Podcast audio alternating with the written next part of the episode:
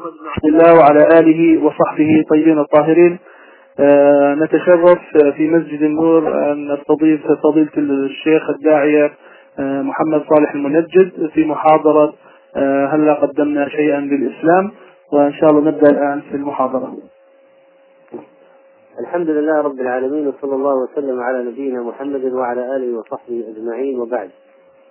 أيها الإخوة والأخوات السلام عليكم ورحمة الله وبركاته. وأرحب بكم في هذه الفرصة الطيبة وأسأل الله عز وجل أن يجعل اجتماعنا على البعد مجالسة فيه وتناصحا في الخير. إنه سميع مجيب. ونحمد الله سبحانه وتعالى الذي جعل لنا في هذا الزمان من الوسائل التقنية ما نستعين به على التناصح والتواصي بالخير على البعد. وهذه نعمة عظيمة أن يكون الإنسان على استطاعة أن يتواصى مع إخوانه في الله وهو بعيد عنهم. ونسأل الله أن يجعل هذا المجلس مجلسا نطبق فيه هذه السورة العظيمة التي لو لم ينزل الله على عباده إلا هي لكفتهم والعصر إن الإنسان لفي خسر إلا الذين آمنوا وعملوا الصالحات وتواصوا بالحق وتواصوا بالصبر. فهذا التواصي مطلوب ومهم جدا ومما يثبت الله به المؤمنين أن يتواصوا ويتناصحوا فيما بينهم ويتصلوا ببعضهم البعض ويسمع كلام بعضهم البعض. لقد حضر مرة الشيخ محمد ناصر الدين الألباني رحمه الله إلى البلد التي فيها الشيخ عبد العزيز بن باز رحمه الله فأراد الشيخ عبد العزيز أن يذهب لزيارة أخيه في الله. الشيخ ناصر الألباني في البيت الذي هو نازل فيه فعلم الشيخ ناصر الألباني أن الشيخ عبد العزيز سيأتي فسرقه بالزيارة وذهب إليه في بيته ففوجئ الشيخ عبد العزيز وسر بهذه الزيارة جدا فلما جلس وأرى أوشك المجلس على الانتهاء. قال الشيخ ناصر للشيخ عبد العزيز بن باز أوصني. فشرع الشيخ بالحمد والثناء على الله ثم بدأ يوصيه وقال أوصيك ونفسي بتقوى الله إلى آخر الوصية. فلما انتهت وأراد الشيخ الألباني أن يقوم إذا بالشيخ عبد العزيز بن باز يمسك بيده ويجذبه بقوة حتى استغرب والتفت إليه ماذا يريد. فقال أوصني أنت أوصني أنت. فحمد الله وأثنى عليه وذكر الوصية ثم افترقا. هذا نموذج معاصر أيها الإخوة والأخوات كيف يكون التواصي بين العلماء وهم علماء بررة. ونحن أحوج منهم بكثير إلى التواصي فيما بيننا خصوصا عندما يكون الإنسان في بلاد الغربة وبلاد الفتنة وليس من بلد يخلو من الفتن في هذا الزمان الذي عم فيه الشر وصارت الموجات تنقل الفساد وأنواع الشبهات والشهوات إلى كل مكان في العالم. أيها الإخوة وأنتم في بلاد البعداء والبغضاء كما جاء في وصف الصحابة لأرض الحبشة لما تركوا بلادهم إليها قالت أسماء في الحديث ونحن كنا في بلاد البعداء والبغضاء. كما عند في حديث أبي موسى والحديث في الصحيح أنتم في بعداء في بلاد البعداء والبغضاء تعانون ما تعانون منه. والبعض قد ذهب فرارا بدينه والبعض ذهب بحثا عن الرزق والبعض ذهب لمزيد من التعلم في الأمور الدنيوية والبعض ذهب للدعوة باختلاف المقاصد والنيات. فتحتاجون ولا شك في مكوثكم هناك إلى استمرار التواصل مع إخوانكم المسلمين كما أننا نحن أيضا بحاجة أن نشعر بامتداد بامتداد الإسلام إلى تلك الديار وأن لنا إخوة على البعد في تلك الأصقاع وأنهم آه، يعملون لدين الله عز وجل. لما سئل الإمام أحمد من قبل أبي عبيد رحمهم الله الذي قال له وددت لو أني ألقاك كل يوم قال لا تقل هذا فإن بعض من ألقاهم في السنة مرة أحب إلي ممن ألقاهم كل يوم. وربما نكون على البعد آه، لا نلتقي إلا آه، نادرا وربما لا نلتقي أصلا. ويكون تكون مثل هذه الفرص آه، مجال للقاء من بعد. فالحمد لله الذي يسر ذلك وأعان. أيها الإخوة والأخوات إن علينا واجبات كثيرة تجاه هذا الدين. أولا أن نتعلمه. فاعلم أنه لا إله إلا الله واستغفر لذنبك. وهذا الذي عنون عليه البخاري رحمه الله باب العلم قبل القول والعمل. فاعلم أولا أن نتعلم دين الله. لو سألك أي مسلم قال ماذا يجب علي حدد لي ماذا يجب علي حدد لي منهجي في هذه الحياة؟ أعطني الأشياء العملية المطلوب مني أن أقوم بها. فنقول أولا أن تتعلم دين الله وثانيا أن تعمل به وثالثا أن تدعو إليه. ورابعا أن تصبر على الأذى في سبيل الدعوة وهذه هي المسائل الأربعة المهمة التي ينبغي على الإنسان أن ينذر حياته لها. وتعلم هذا الدين ولا شك يكون بتعلم معاني القرآن والسنة. ما هو الدين؟ إنه القرآن والسنة وهما الوحيان من عند الله سبحانه وتعالى. على فهم السلف رحمهم الله ومن الذي ينقله إلينا العلماء الثقات فهذا هو منهجنا باختصار في تعلم دين الله على قدر الطاقة والاستطاعة الأفهام تتفاوت والعقول تتفاوت والقدرات تتفاوت ونحن علينا أن نتعلم ما نستطيع. هذا دين ومسؤولية عظيمة. أيها الإخوة إن الواجب يحتم علينا أن نقوم بما يجب علينا القيام به لأجل هذا الدين. ومن أحسن قولا ممن دعا إلى الله وعمل صالحا وقال إنني من المسلمين ولتكن منكم أمة يدعون إلى الخير ويأمرون بالمعروف وينهون عن المنكر وأولئك هم المفلحون. وقال الله تعالى وافعلوا الخير لعلكم تفلحون. نحن مأمورين بفعل الخيرات دائما باستمرار. وننتقل من خير إلى خير ومن طاعة إلى طاعة فإذا فرغت فانصب وإلى ربك فارغب. إذا فرغت من الجهاد انصب للصلاة إذا فرغت من الفريضة انصب لقيام الليل والنافلة. وإلى ربك فارغب بالدعاء والتمسكن والخضوع والذل بين يديه سبحانه وتعالى. إن العمل لهذا الدين أيها الإخوة من صفات عباد الله المتقين الذين نذروا أنفسهم لهذه المهمة العمل للإسلام. من المؤمنين رجال صدقوا ما عاهدوا الله عليه. فمنهم من قضى نحبه ومنهم من ينتظر وما بدلوا تبديلا. إن هذا العمل الذي نعمله لديننا سنجده يوم القيامة. نحن نقدمه الآن لنراه في الآخرة. وما تقدموا لأنفسكم من خير تجدوه عند الله هو خيرا وأعظم أجرا أيها الإخوة إذا كان أهل الباطل يضحون من أجله ويصبرون ويتواصون بذلك فنحن أولى منهم. الله عز وجل قال عن الكفر المشركين وانطلق الملأ منهم أن امشوا واصبروا على آلهتكم إن هذا لشيء يراد. يتواصون بالصبر على آلهتهم الباطلة وأن يمشوا في هذا المشوار المنحرف وهذه وهذا تواصيهم فيما بينهم. فنحن إذا كنا على الحق فتواصينا من باب أولى واستمرارنا في الطريق من باب أولى وأن نصبر على ديننا فهو أولى. أيها الإخوة إن القضية تحتاج إلى تضحيات وبذل. الصحابة رضوان الله عليهم ضحوا بأنفسهم وأموالهم وأبنائهم. ثم إن كانت القضية أن هذه الأشياء ستحجزنا عن العمل للدين والجهاد في سبيل الله فنحن مساكين.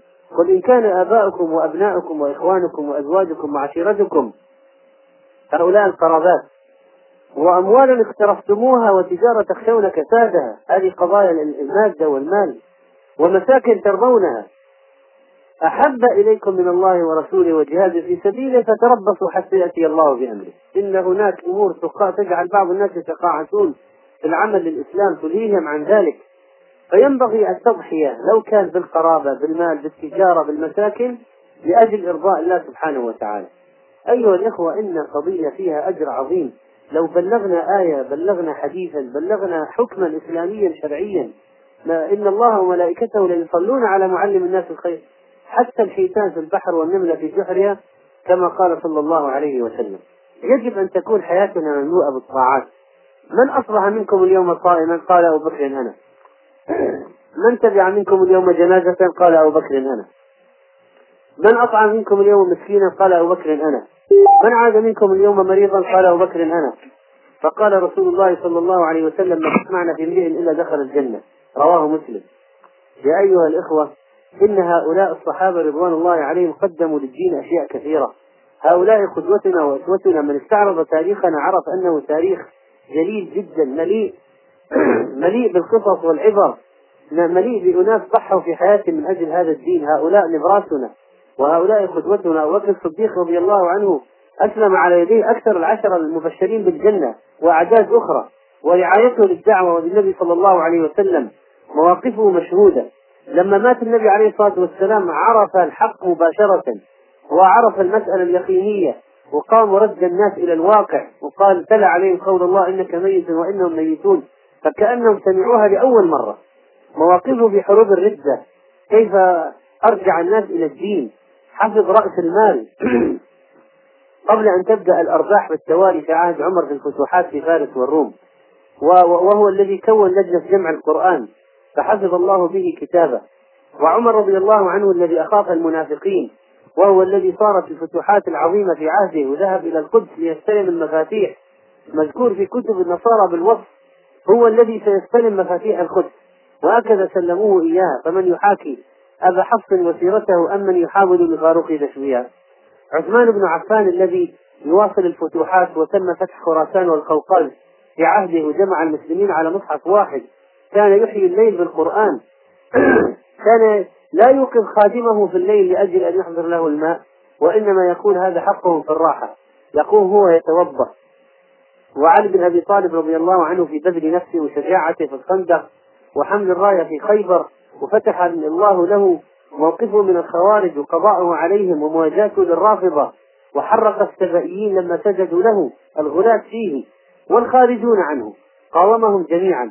وكذلك معاوية رضي الله عنه الذي فتح الفتوح وخاض البحار وكان ملكه رحمة كما جاء ذلك في الحديث الصحيح. كيف يتحول شاعر جاهلي يتكسب بشعره تتوجه طاقته لخدمة الدين إلى إنسان يبذل ويعمل كما فعل حسان رضي الله عنه؟ وبذل الموهبة الشعرية التي عنده في حتى شفى واشتفى. سلمان الفارسي يقدم خبرات سابقة وأفكار رائعة تنفع المسلمين في حفر الخندق.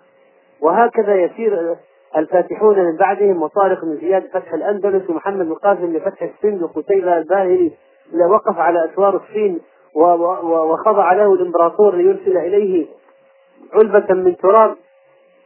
يضع يطأ عليها ليبر بيمينه وكان قد أقسم أن أن يطأ تراب الصين. خافوا منه فأرسل له ترابهم. وعمر بن عبد العزيز يقوم بالعدل بعد كثرة المظالم. وهكذا هارون الرشيد الذي كان يحج عاما ويغزو عاما.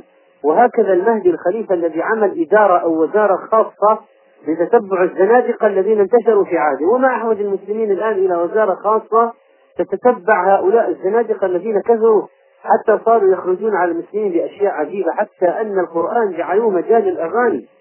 وصلاح الدين الذي قضى على الفاطميين الرافضة والصليبيين. وحمى الله به الإسلام من النصارى وقبله موجود ونور الدين وعماد الدين وغيرهم. وقطز وبيبرس الذين حمى الله بهم الإسلام من الستار. ومحمود الغزنوي فتح الهند وكان صاحب عدل وشجاعة. ويوسف بن تاشفين صاحب دولة سلفية في المغرب دولة المرابطين. آه، نصر الله به الإسلام. وهؤلاء الذين كانوا قد عملوا على خدمة هذا الدين السنوات الطويلة من أعمال بذلوها حتى في قضية العلم غير الجهاد والخلافة. هذا أبو حنيفة فيه من جمال الاستنباط وحسن النظر والقضاء في النوازل. خرج جهابذة مثل أبي يوسف ومحمد بن حسن وهذا وهذا المالك رحمه الله الذي جمع حديث الحجازيين ونقل حديث التابعين وتابع التابعين. وصنف أول كتاب في الصحيح الموطأ فيه حديث وفقه والشافعي المجدد في أصول الفقه الذي ألف كتاب الرسالة وقيد منهج الاستنباط تاركا الفلسفات والمنطق وهو الجامع بين مدرسة أهل الأثر وأهل النظر. وهذا الإمام أحمد رحمه الله الذي ثبت في المحنة لما دعاهم السلطان إلى خلق القرآن والقول بخلق القرآن ثبت الإمام أحمد رحمه الله ضرب ضرب كان كان السلطان يأتي بالجلادين صفا ويقول الواحد منهم آه، اضربه فيضربه سوطين ثم يتقدم الثاني حتى لا يتعب الجلادون وتكون الضربات قوية كل واحد يضرب سوطين ويرجع في الصف من وراء وهذا السلطان يقول للجلاد شد يدك قطع الله يدك. أوشك على الموت ودخل في السجن وفرضت عليه الإقامة الجبرية وصبر وطلب العلم ومع ذلك جمع لنا مسند فيه قرابة 37 ألف حديث. الإمام أحمد رحمه الله إلى الآن رسائل الماجستير والدكتوراه لم تنتهي من إحصاء مسائله الفقهية ودراستها والبخاري يجرد الصحيح وأبو داود يجمع حديث المجتهدين والترمذي كتابه دليل وتعليل والفقهاء السبعة في المدينة الفقه وأسد بن الفرات مجاهد عالم يموت شهيدا في جزيرة الصقلية عام 213 الهجرة كان أمير المجاهدين في صقلية فتحناها بالإسلام وكان هو القاضي فيهم. وكان يقرأ سورة ياسين وبيده اللواء يقارع بمن معه من المسلمين 150 ألفا من الكفار. وهؤلاء حتى أصحاب العاهات. الترمذي كان نموذجا للضرير الذكي وقتادة كذلك وغيرهم. قدموا على عاهاتهم خدمات عظيمة للإسلام. وهكذا كانوا لا يتوانون في إفادة المسلمين حتى في, في الأحوال الحرجة الصعبة. يقول إبراهيم بن الجراح مرض أبو يوسف يعقوب الأنصاري فأتيته أعوده. فوجدته مغمى عليه فلما أفاق قال لي يا إبراهيم ما تقول في مسألة كذا؟ قلت في مثل هذه الحالة يعني أنت في حال الاحتضار والموت وأنت تناقش المسألة قال لا بأس بذلك ندرس لعله ينجو به ناج فدرسنا مسألة في الحج ثم قمت من عنده فما لبثت حتى سمعت الصراخ عليه فإذا هو قد مات. آه، كانت أوقات مملوءة بالطاعات لله. يقول حماد بن سلمة ما أتينا سليمان التيمي في ساعة يطاع الله عز وجل فيها إلا وجدناه مطيعا. إن كان في ساعة الصلاة وجدناه مصليا وإن لم تكن ساعة صلاة وجدناه إما متوضئا أو عائدا مريضا أو مشيعا لجنازة أو قاعدا في المسجد.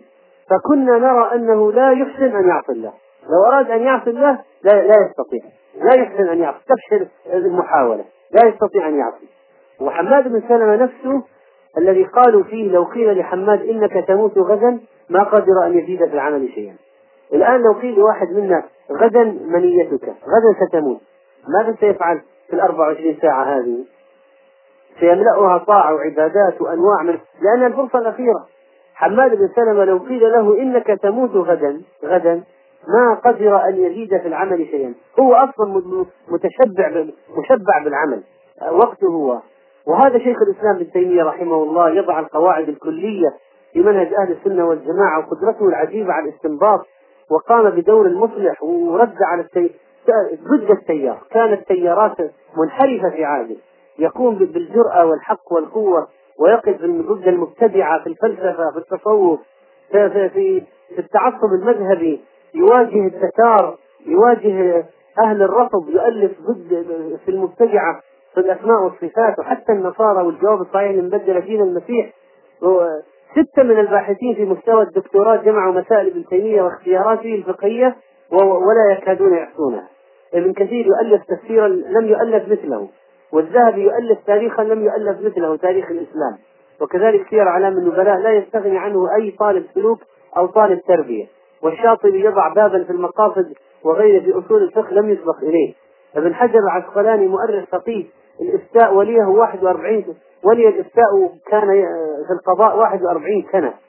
وهكذا قام العلماء والخلفاء من بعدهم في الدولة العثمانية وغيرها. وهذا الفتوحات تبدأ وفي عهد عثمان وأورخان بن عثمان. ومراد الأول الذي استطاع أن يهزم الصرب والنصارى المتحالفين. كان عددهم 200 ألف مقاتل في معركة كوسوفا الشهيرة. وقتل غيلة على يد واحد صربي قتل غيلة على يد واحد صربي جريح وهو يتفقد المعركة فتظاهر الصربي بأنه جريح ثم لما اقترب منه السلطان آه، وهو يتفقد أرض المعركة بعد انتهائها انقض عليه وطعنه وقتل هذا لكن بعد أن قضي الأمر ومات رحمه الله. بايزيد الأول الذي كان يسمى بالصاعقة لأنه كان يقضي على خصومه بسرعة هائلة وكان في أوروبا ضد الصليبيين ومرة ضد المغول. وهكذا في معركة نيكوفولس التي انتصر فيها انتصارا مؤزرا. هكذا وصلت فتوحاتنا إلى سويسرا والنمسا وأبواب أسوار فيينا وإيطاليا. هذه دولة دولة الإسلام العظيمة هؤلاء المسلمون الفاتحون وأحمد إبراهيم الصومالي فاتح الحبشة الذي استعان ب الذي استعان بالمسلمين حتى بذهب زوجته في الفتوحات ويقوم محمد بن عبد الوهاب رحمه الله في في الجزيرة العربية ليجدد آثار التوحيد التي انطمست بالشركيات والأضرحة والقبور وعبادة الأشجار والأوثان وصرف أنواع من العبادات لغير الله ويقوم أولاده كذلك ومن من أحفاده والشوكاني والصنعاني وابن الوزير يمثلون كيانا اجتهاديا في اليمن. تركوا مذهب الزيدية ورجعوا إلى منهج أهل السنة والجماعة. في, في المدرسة السلفية في الهند يقيمها مع صديق حسن خان والمبارك فوري وملا علي القاري. والآلوسيون في العراق قاوموا البدع ونشروا السنة قاوموا التصوف. والمسلمون الذين كانوا أيضا في الهند من أمثال إسماعيل الشهيد السلفي الذي قاوم الإنجليز بمن معه وعبد الحميد بن باديس في جبهة العلماء في الجزائر والمغرب التي واجهت الفرنسيين. وهكذا يستمر مسلسل أهل الحق ويقوم المجددون لهذا الدين في, هذا الزمان في عصرنا. ويقوم الشيخ الألباني رحمه الله بتجديد لواء السنة والدعوة للحديث. ونبذ التعصب المذهبي والأخذ بالدليل وتصحيح الأحاديث وكذلك مثل أحمد شاكر في مصر ويقوم الشيخ محمد بن إبراهيم والشيخ عبد العزيز بن باز وغيرهم آه، بتجديد الدعوة إلى منهج السلف واتباع الدليل الصحيح وبناء الفتاوى على الأدلة. ربطوا الناس بالقرآن والسنة. تقرأ في فتاويهم. تجد الربط بين القرآن. تجد ربط الأحكام التي يصدرونها مع مع كتاب الله وسنة الرسول صلى الله عليه وسلم.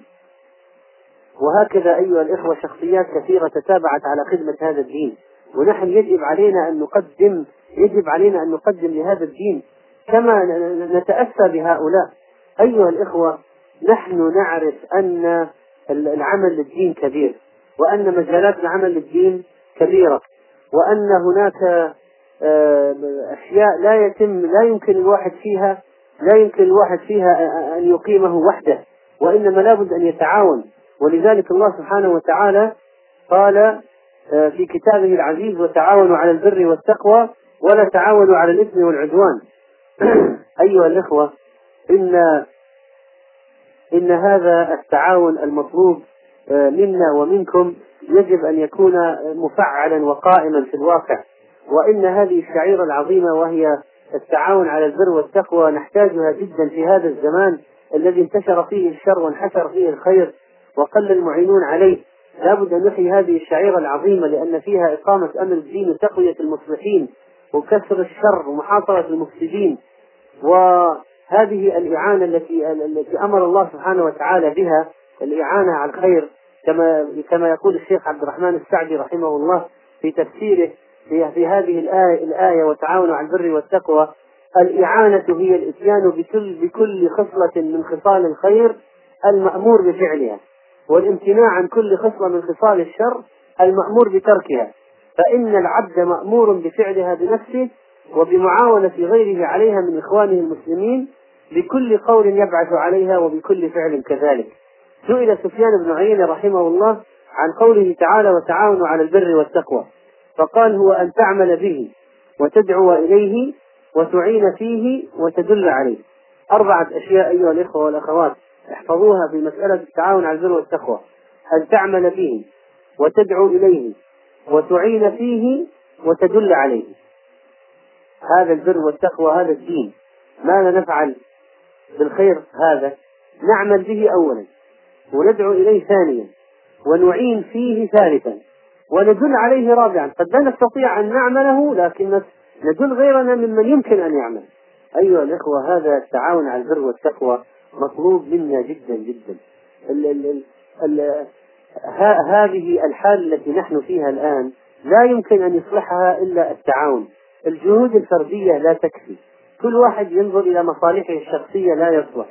آه أنت قد تقول عندي عملي الخاص وبعضهم كما ذكر لي مرة I have my own business.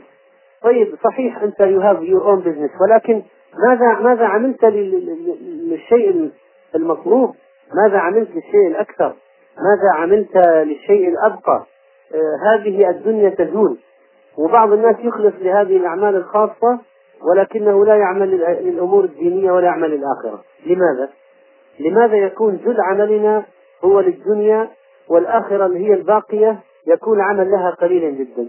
وربما يشعر الواحد أحيانا أنه عمل شيئا عظيما. لأنه صلى مرة في مركز مسجد المركز الإسلامي أو جاء وحضر درس أو محاضرة يرى أنه كأن هذا العمل العظيم العمل هو أكثر من ذلك بكثير. هذه الآية وتعاونوا على البر والتقوى التي تجعلنا نكمل ما اقتنعنا به من أهمية العمل للإسلام نحن تحمسنا بفعل مثلا القصص وغيرها من السير للعمل للإسلام لكن كيف يتم هذا؟ لا يتم إلا بتعاون. لابد أن يكون هناك آه، لابد أن يكون هناك تآخي وتضافر جهود. وهذه لها أسباب. أولا تحصيل ثواب امتثال الأمر الوارد في قوله تعالى وتعاونوا على البر والتقوى. ثانيا زيادة الأجر والمضاعفة. يقول ابن القيم رحمه الله فإن العبد بإيمانه وطاعته لله ورسوله قد سعى في انتفاعه بعمل إخوانه المؤمنين مع عمله. يعني انظروا إلى هذا المثال الرائع كيف الإنسان ينتفع بعمل إخوانه المؤمنين مع عمله. يعني عمله وحده يقصر عن درجة معينة. إذا انضم إليه عمل إخوانه المؤمنين تعلو الأعمال كلها. قال فإن المؤمنين ينتفع بعضهم بعمل بعض في الأعمال التي يشتركون فيها كالصلاة في جماعة فإن كل واحد منهم تضاعف صلاته إلى سبعة وعشرين ضعفا غير آه لأجل ماذا؟ كيف تضاعف 27 ضعف؟ لماذا؟ قال لمشاركة غيره له في الصلاة فعمل غيره كان سببا لزيادة أجره كما أن عمله سبب لزيادة أجر الآخر. الله أكبر. كيف يكون المشاركة بين المؤمنين تؤدي إلى رفع درجات الجميع؟ لو كل واحد صلى وحده وعمل وحده ما كان له نفس الأجر. لكن لما انضموا إلى بعضهم بل يقول ابن القيم رحمه الله بل قد قيل إن الصلاة يضاعف ثوابها إن الصلاة يضاعف ثوابها بقدر بعدد المصلين. وكذلك اشتراكهم كلام ابن القيم وكذلك اشتراكهم في الجهاد والحج والأمر بالمعروف والنهي عن المنكر والتعاون على البر والتقوى. وقد قال النبي صلى الله عليه وسلم المؤمن للمؤمن كالبنيان يشد بعضه بعضا وشبك بين أصابعه. ومعلوم أن هذا بأمور الدين أولى منه بأمور الدنيا. ولذلك فإن التعاون أمر مطلوب وخصوصا هناك سبب ثالث وهو الحاجة لأن كثيرا من الأهداف والمشاريع الإسلامية لا يمكن تحقيقها فرديا ولهذا قيل لا يعجز القوم إذا تعاونوا.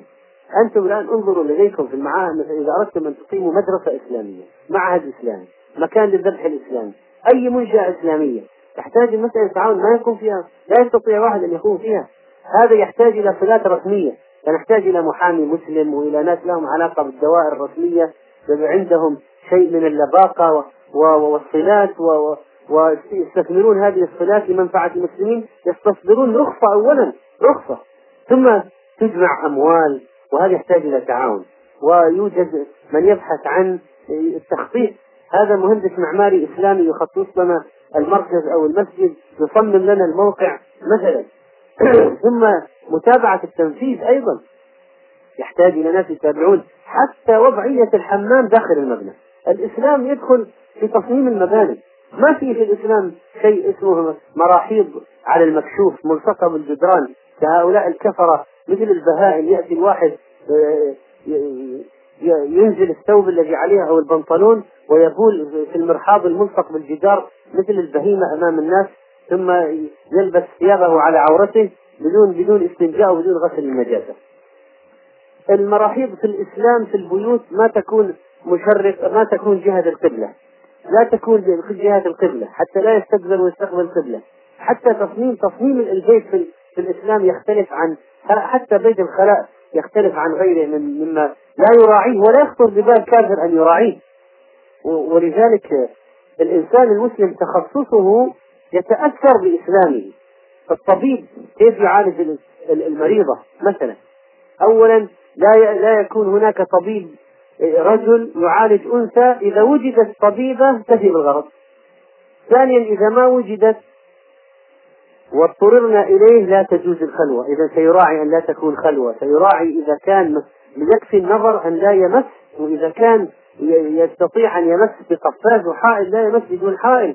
وهكذا المسألة الأعمال المهنية والتخصصات تتأثر بالأحكام الشرعية تأثرا بالغا. فنحن الحمد لله الدين عندنا يدخل في كل شيء خلافا لهؤلاء العلمانيين والمنافقين الذين يقولون الدين ما له دخل في الطب والدين ما له دخل في الهندسة والدين ما له دخل في الفيزياء والدين ما له دخل في الاختراعات. وأنه نحن الآن نرى نرى العبث الذي يعملونه الآن في الاستنساخ. الآن يوجد يعني وهذا الوشم تاتو وغيره الأنواع المتطورة هذه كلها عبارة عن تنفيذ لما أراده الشيطان من البشر. ولا آمرنهم فلا يغيرن خلق الله. الشغل هذا كله الذي نسمع عنه الآن في استنساخ البشر والأطفال إلى آخره وهذه العمليات التي تجرى على البشر كله من الداخل ولا آمرنهم فلا يغيرن خلق الله. يتبعون فيه إبليس. أما نحن المسلمين ننضبط في أمورنا المختلفة بضوابط الشريعة. ثم يا إخوان في حاجة للتعاون من جهة أخرى وهي إتقان إتقان العمل وسهولة القيام به ويكون أبلغ مع التعاون والعمل الجماعي آه، فيه نجاح والمشقة أخف وأسهل لتوزع الحمل على الجميع. نحن نحتاج إلى التعاون على البر والتقوى في مجالات كثيرة. إقامة في المجتمع الإسلامي الجهاد إقامة الحدود الأمر معروف النهي عن المنكر استيفاء الحقوق إيصال المستحقين. هذه المجالات التعاون في مجال الدعوة ونصرة الدين. دعونا نأخذ بعض المجالات. نصرة الإسلام التعاون في الدعوة. الله عز وجل قال يا أيها الذين آمنوا كونوا أنصار الله. كما قال عيسى بن مريم للحواريين من أنصاري إلى الله؟ يعني كما قال ابن كثير من يساعدني في الدعوة إلى الله؟ ينبغي أن يتعاون المسلم مع أخيه المسلم في الدعوة إلى الله ليشد أجره ويتقوى به الله عز وجل قال لموسى عليه السلام سنشد عضدك بأخيك. سنشد عضدك هو ذاهب في أي مهمة؟ مهمة دعوية. قال سنشد عضدك بأخيك. نحتاج إلى, هذه الصور من من التعاون في الصحابة في الجهاد في حفر الخندق. كيف حفر الخندق حفر؟ في أسبوع واحد يحفرون خندقا. عمقه عجيب وعرضه عجيب وطوله عجيب. خمس آلاف ذراع. عشر أقدام. العرض حتى لا يستطيع الفرس أن يقفز أن يقفز هذا العرض. ويجب أن يكون عميقا حتى يخاف الأعداء من من من اقتحامه.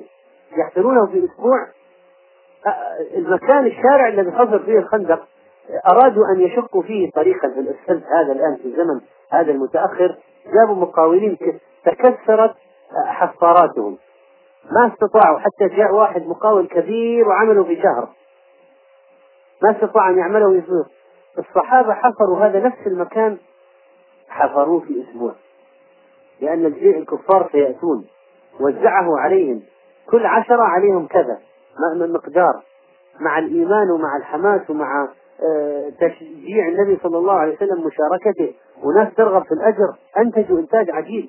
كيف واحد الناس ينتجون إنتاجا آه، في وقت قصير ينتجون عملا كبيرا؟ حماس. طيب ما الذي يثير الحماس؟ الكفار عندهم يفكرون في وسائل كثيرة لإثارة الحماس. وهذا جيل كارنيجي يكتب كتابا كيف تثير حماس العمال في العمل أو فصلا إلى آخره. نحن عندنا شيء أرقى من هذا كله. يكفينا نحن المسلمين أن نعرف أن القضية الفلانية من الدين أو فيها أجر كذا أو ثواب كذا أو عليها الجنة أو رضا الله عز وجل حتى نتحمس العمل. ويذكر بعضنا بعضا في القضية. وهكذا قام الصحابة بالتعاون فيما بينهم في إقامة العبادات. هذه الصلوات مثلا قيام الليل هذا ليس فقط على المستوى الجماعي حتى العبادات الفردية مثل قيام الليل كان فيها تعاون. كان أهل البيت الواحد من أوائل هذه الأمة يتوزعون الليل أثلاثا. يصلي هذا ثلثا ثم يقرأ الثاني فيصلي ثلثا ثم يقرأ الثالث فيصلي الثلث الأخير. أبو هريرة هو وامرأته وخادمه ثلاثة. يعتقبون الليل أثلاثا. يصلي هذا ثم يوقظ هذا. ينام الأول. الثاني يقوم الثلث الثاني من الليل. بعدين يوقظ الثالث وينام. الأخير يصلي الثلث الأخير من الليل ثم يوقظهم جميعا لصلاة الفجر. تعاون في بناء المساجد. النبي صلى الله عليه وسلم آه، مع الصحابة قاموا يبنون المسجد كما جاء في البخاري. آه، كنا نحمل لبنة لبنة وعمار لبنتين لبنتين. وناس يطيقون أكثر من أناس يشتغلون. التعاون في طلب العلم. عمر بن الخطاب رضي الله عنه وجار له من الأنصار. لابد أن يعمل في الدنيا من أين نكتب عيشه؟ هذه مزرعة وتحتاج إلى عناية والأشجار تحتاج إلى رعاية. واحد يشتغل في المزرعة الثاني ينزل إلى المسجد النبوي. يجلس فيه طول النهار. يصلي مع النبي عليه الصلاة والسلام. يسمع حديثه ومواعظه وينقل المعلومات وفي استفتاءات وأسئلة وأجوبة يرجع بها إلى أخيه في آخر اليوم. يقول قال كذا كذا كذا كذا. اليوم الثاني بالعكس. مثل الآن يعني لو أردنا نضرب مثال على مستوى النساء. امرأة مثلا عندها أولاد مجموعة من النساء عندهم أولاد وهناك محاضرة مثلا في مسجد. فالمرأة مثلا واحدة منهن أو التي عليها العادة الشهرية إذا كانت لا تستطيع دخول المسجد أو بالتناوب تمسك أولاد الأخريات الأخريات يذهبن لي أجل سماع المحاضرة.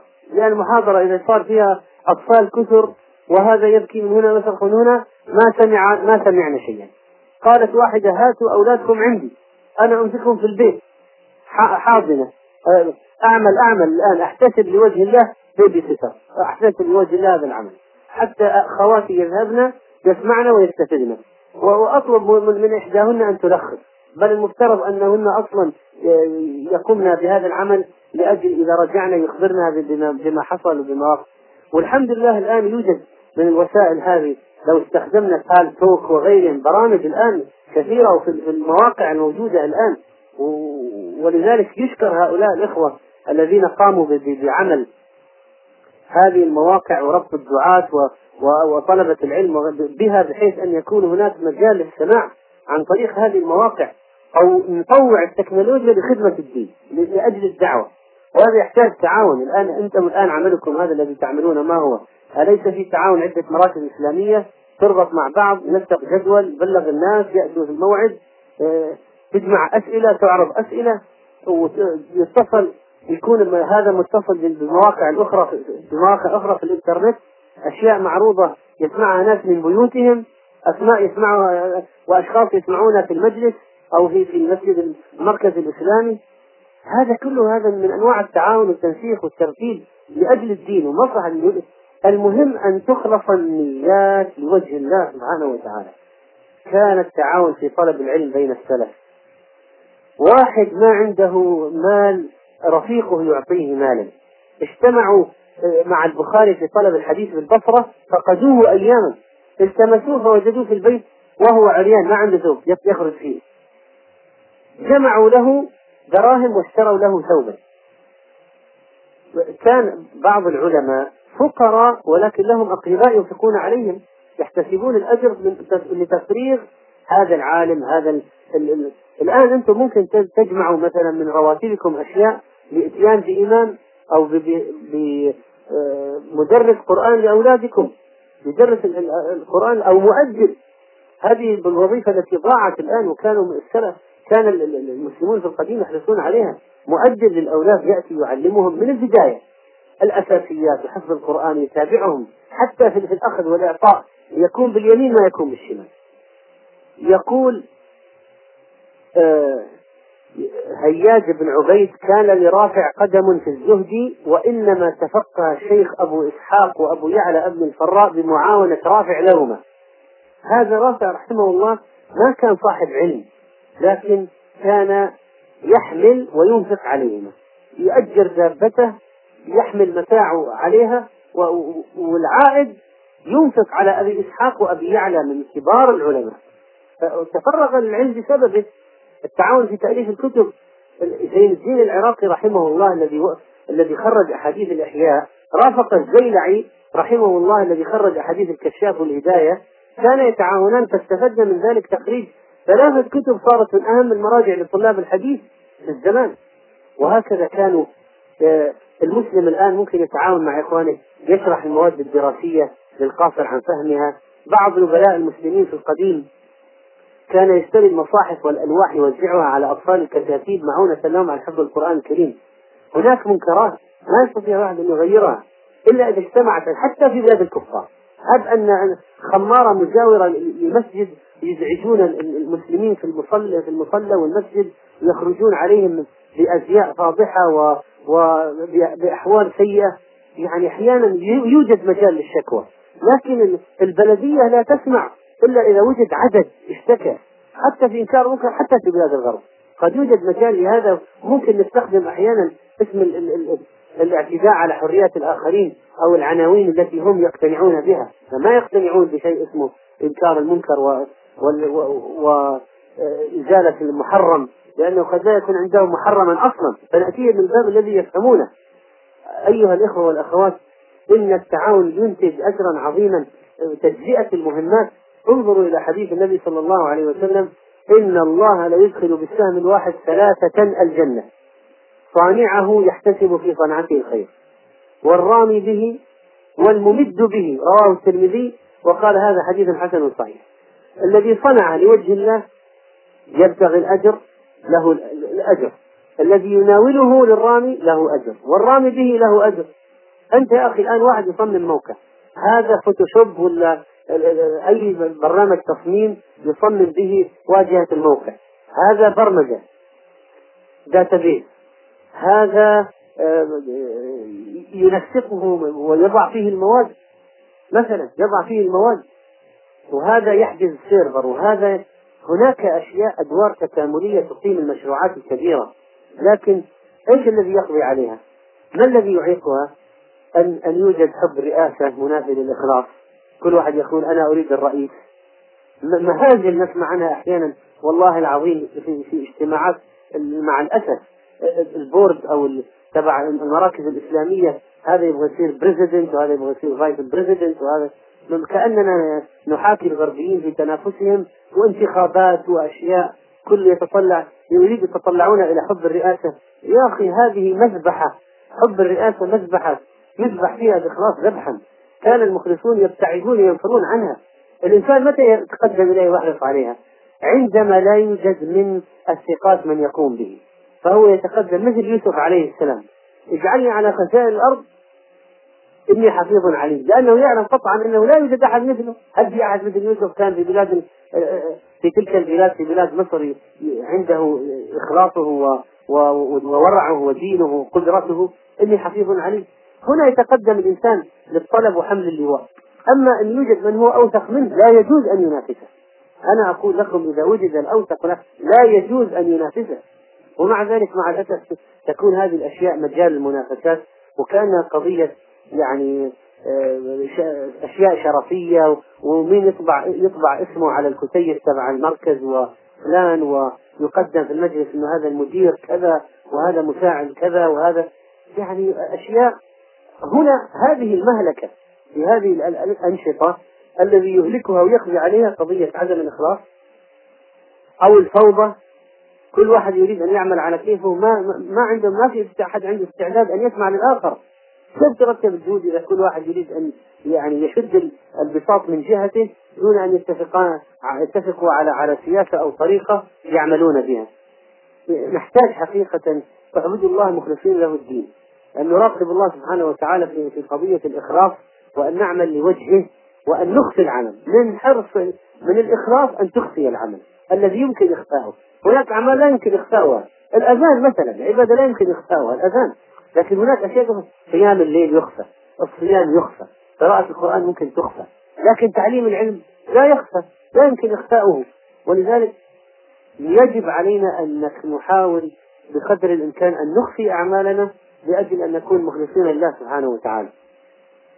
أشياء إعانة الملهوف إغاثة الملهوف. الآن في ناس محتاجين حتى في بلاد الغرب. وانقطعت بهم السبل جاء من بلدهم قطع حصل. يعني يقول يزيد بن الأسود لقد أدركت أقواما من سلف هذه الأمة كان الرجل إذا وقع في هوي نادى يا لعباد الله يعني أنقذوني يا إخوان. فيتواتبون إليه فيستخرجونه ودابته مما هو فيه. ولقد وقع رجل ذات يوم في دجلة في نهر نهر دجلة سقط فنادى يا لعباد الله فتواسب الناس إليه فما أدركت إلا مقاصه في الطين. ما استطعت أنقذ أنا من الزحمة في الخير ما طلع لي إلا أني أنقذت شيء بسيط من متاعه فلا أن أكون أدركت من متاعه شيئا فأخرج فأخرجه من تلك الوحلة أحب إلي من دنياكم التي ترغبون فيها. هذا من حرص السلف على إغاثة الملهوف يعينون المظلومين تعين صانعا أو تصنع لأخرق آه، ذو القرنين لما جاء إلى إلى مكان في ناس جهلة ماذا فعل؟ ماذا فعل ذو القرنين؟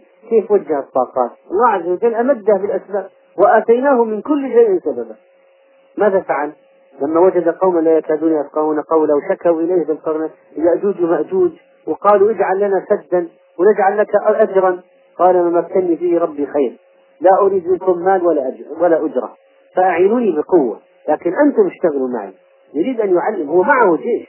لكن يريد أن يعلم هذه الأمة البائسة وأن ينقل إليهم صنعة يستفيدون منها. يضع مخطط. نحن المشكلة أحيانا يوجد ناس تريد العمل لكن ما في خطة. ما في مشروع مقترح عملي. فأعينوني بقوة أجعل بينكم وبينهم ردمة آتوني زبر الحديد. هاتوا جمعوا قطع الحديد. حتى إذا ساوى بين الصدفين ووضع القطع بعضها فوق بعض قال انفخوا. أوقدوا النار الآن انفخوا عليها. حتى ينصهر الحديد ويصير سبيكة واحدة. في النهاية حتى إذا جعله نارا قال آتوني أفرغ عليه قطرة وهو النحاس المذاب ولذلك قالوا في, في علم المعادن أن الحديد الملبس بالنحاس المذاب أقوى السبائك التي لا يمكن اختراقها. وربما هذا حتى في صانعي الأسلحة. يمكن لو عثروا على هذه الآية يستفيدوا منها ولا أبحاثهم تدل على شيء من هذا. الشاهد أنه شغل الطاقات. فالآن الشخص المسلم الذكي هو الذي يفتح المجال للآخرين لعمل الخير يدلهم عليه ويعرف كل واحد ماذا يستطيع أن يفعل فيهيئ لهذا السبب ولهذا السبب وهكذا. حتى المعاونة على الخير يا أخوان تكون حتى في الشارع. في الشارع من آداب الطريق. ابن حجر رحمه الله جمع أبيات لطيفة في آداب الطريق. قال جمعت آداب من رام الجلوس على الطريق من قول خير الخلق إنسانا يعني جمعتها من أحاديث خير الخلق, الخلق. محمد صلى الله عليه وسلم. ما هي؟ قال أفشي السلامة وأحسن في الكلام وشمت عاطفا وسلاما رد إحسانا في الحمل عاون ومظلوما أعن. وأغث لهفانا اهدي سبيلا واهدي حيران يسألك عن الطريق وعن مكان كله. في العرف مر وانهى عن نكر المنكر. وكف أذى وغض طرفا وأكثر ذكر مولانا. أيها الإخوة التعاون على شدائد العيش. الإنسان بعض الإخوان قد تضيق به الحال حتى في المادة. ماذا يفعلون؟ انظروا إلى الصحابة ماذا فعلوا. النبي عليه الصلاة والسلام يقول في قوم أبي موسى الأشعريين الذين جاءوا من اليمن. قال إن الأشعريين إذا أرملوا في الغزو يعني فني زادهم في السفر أو قل طعام عيال بالمدينة يعني في الحضر ماذا يفعلون؟ جمعوا ما كان عندهم في ثوب واحد ثم اقتسموه بينهم في إناء واحد بالسوية فهم مني وأنا منهم. رواه البخاري. كله يحط الموجود ثم يتقاسمون. فيكون بعضهم أسوة لبعض. بعضهم يعين بعض. الصحابة كانوا يتعاونون في الخير في, في القيام بالمسؤوليات. آه هذا الرسول صلى الله عليه وسلم بعث معاذ وأبا موسى إلى اليمن. واحد إلى اليمن الشمالي وواحد إلى حضرموت اليمن الجنوبي هذه. ماذا قال لهما؟ يسرا ولا تعسرا وبشرا ولا تنفرا وتطاوعا ولا تختلفا فعلا تطاوعا ولم يختلفا وكل كان يجتمعان يضع لهما موعد يأتي هذا من بلد البلد التي كان فيها وهذا البلد الذي كان فيها يتشاوران في الأمور. مثلا تعرف قضايا هذا لا يستطيع حل يشاور الآخر. الشيء يبغى له اجتهاد وهكذا. أيها الإخوة نحتاج أن نتعاون ضد الشيطان. نحتاج أن يكون المؤمن لأخيه ضد الفتان. يتعاونان ضد الفتان وهو الشيطان. ما وليس العكس. ليس أن يعاون المسلم الشيطان على أخيه المسلم. حديث أبي هريرة رضي الله عنه لما أتي الرسول صلى الله عليه وسلم برجل قد شرب فقال اضربوه قال أبو هريرة فمنا الضارب بيده والضارب بنعله والضارب بثوبه قامت حد شال الخمر. فلما انصرف قال بعض القوم أخزاك الله. دعا عليه بالخزي. فقال النبي صلى الله عليه وسلم لا تقولوا هكذا لا تعينوا عليه الشيطان. رواه البخاري. يعني ماذا يستفيد الآن إذا دعونا عليه بالخزي؟ مفترض ندعو له بالهداية؟ فيعني لو رأيناه على معصية نقول اتق الله ما خشيت الله ما استحييت من الله وبعد ما ما, ما نقيم إذا جئنا به لإقامة الحج ما الفائدة أن ندعو عليه باللعنة والخزي؟ المفترض أننا آه، ندعو له بالهداية. نقول هداك الله. مثلا جعلها الله كفارة بعد إقامة الحج جعلها الله كفارة وهكذا. ويوعظ. إذا إذا وجدنا على منكر. بدلا من ندعي عليه بالخزي أو نلعنه. هناك ناس من الضلال وصلت القضية بهم لدرجة أنهم يتعاونون في الكفر والشرك. مع مع مع الأسف الشديد وبعضهم من المسلمين. بل يتعاونون على إخوانهم. بل يظاهرون الكفر على إخوانهم. بل ربما يشتكي أخاه المسلم عند الكافر. مع أن القضية التي ما هي ليست ظلما لم تصل إلى الظلم. وإنما يخترعون أشياء يتنافسون على الدنيا. وأشياء في حب الرئاسة ثم يذهبون إلى الكفار ليفصلوا بينهم. يعني منتهى الإجراء على المسلمين وتشويه سمعتهم بين الكفرة. وبعضهم يتعاون بعض المسلمين يتعاون على إحياء البدع. يعملون مجال ذكر مبتدعة. موالد. ينفقون أموال في أشياء مبتدعة. قد يعاون ظالما. بعضهم مع الأسف يتعاونون في السحر. السحر. يعاون بعضهم بعضا في عمل السحر مثلا. كهانة. عمليات محرمة. يعملون شركات أو أنشطة تجارية في أعمال محرمة. أيها الإخوة الخلاصة. أننا لا بد أن نعمل للإسلام وهذه أمانة ومسؤولية وأن العمل يقتضي تعاونا هذان المحوران. اللذان بنيت عليهما هذه الكلمة التي أسأل الله سبحانه وتعالى أن ينفع بها. وأختم كلمتي بعبارات قصيرة سريعة في بعض المهمات التي نذكر بها أنفسنا كل واحد. وأشياء عملية يمكن أن نفعلها. فأقول مخاطبا كل أخ وأخت احفظ سورة أو آية انقل مسألة اروي حديثا احضر درسا اسمع شريطا اقرأ كتابا وزع مطوية لخص محاضرة قدم نصيحة انشر دعوة اكتب مقالا فند شبهة صمم موقعا. صحح خطأ. أنكر منكرا. سدد أخا. رافق ناصحا. طهر بيتا. أعن مجاهدا. أنفق مالا. أعن مسلما. أغث لهفانا. اهد حيرانا.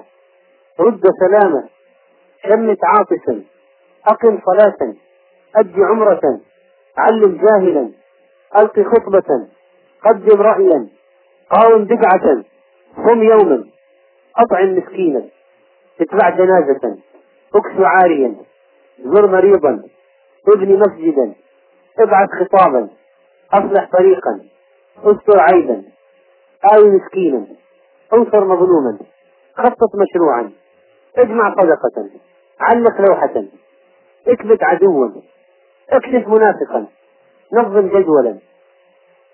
رتب مدرسا. اعقد حلقة. اشرح درسا. ابذل شفاعة. ادعو كافرا. عظ عاصيا. اقضي دينا. اشبع جائعا. استفتي عالما. استضف داعية. حرك كسلانا. ايقظ نائما. نشط خاملا. تعاهد جشأا اطلق موهبة. وجه طاقة. سد ثغرة. اقترح فكرة. أيد مربيا. شارك عاملا. راسل جريدة. قدم برنامجا. زوج خيرا أكرم ضيفا صل رحما وقر عالما. وهكذا المهمات كثيرة والمطلوب منا أن نعمل وأن نتعاون وأسأل الله تعالى لي ولكم الإخلاص والسداد والتوفيق وحسن الخاتمة وأن يغفر لنا أجمعين ويلحقنا بالصالحين. وأختم كلامي بالصلاة والسلام على محمد سيد الأنبياء والمرسلين.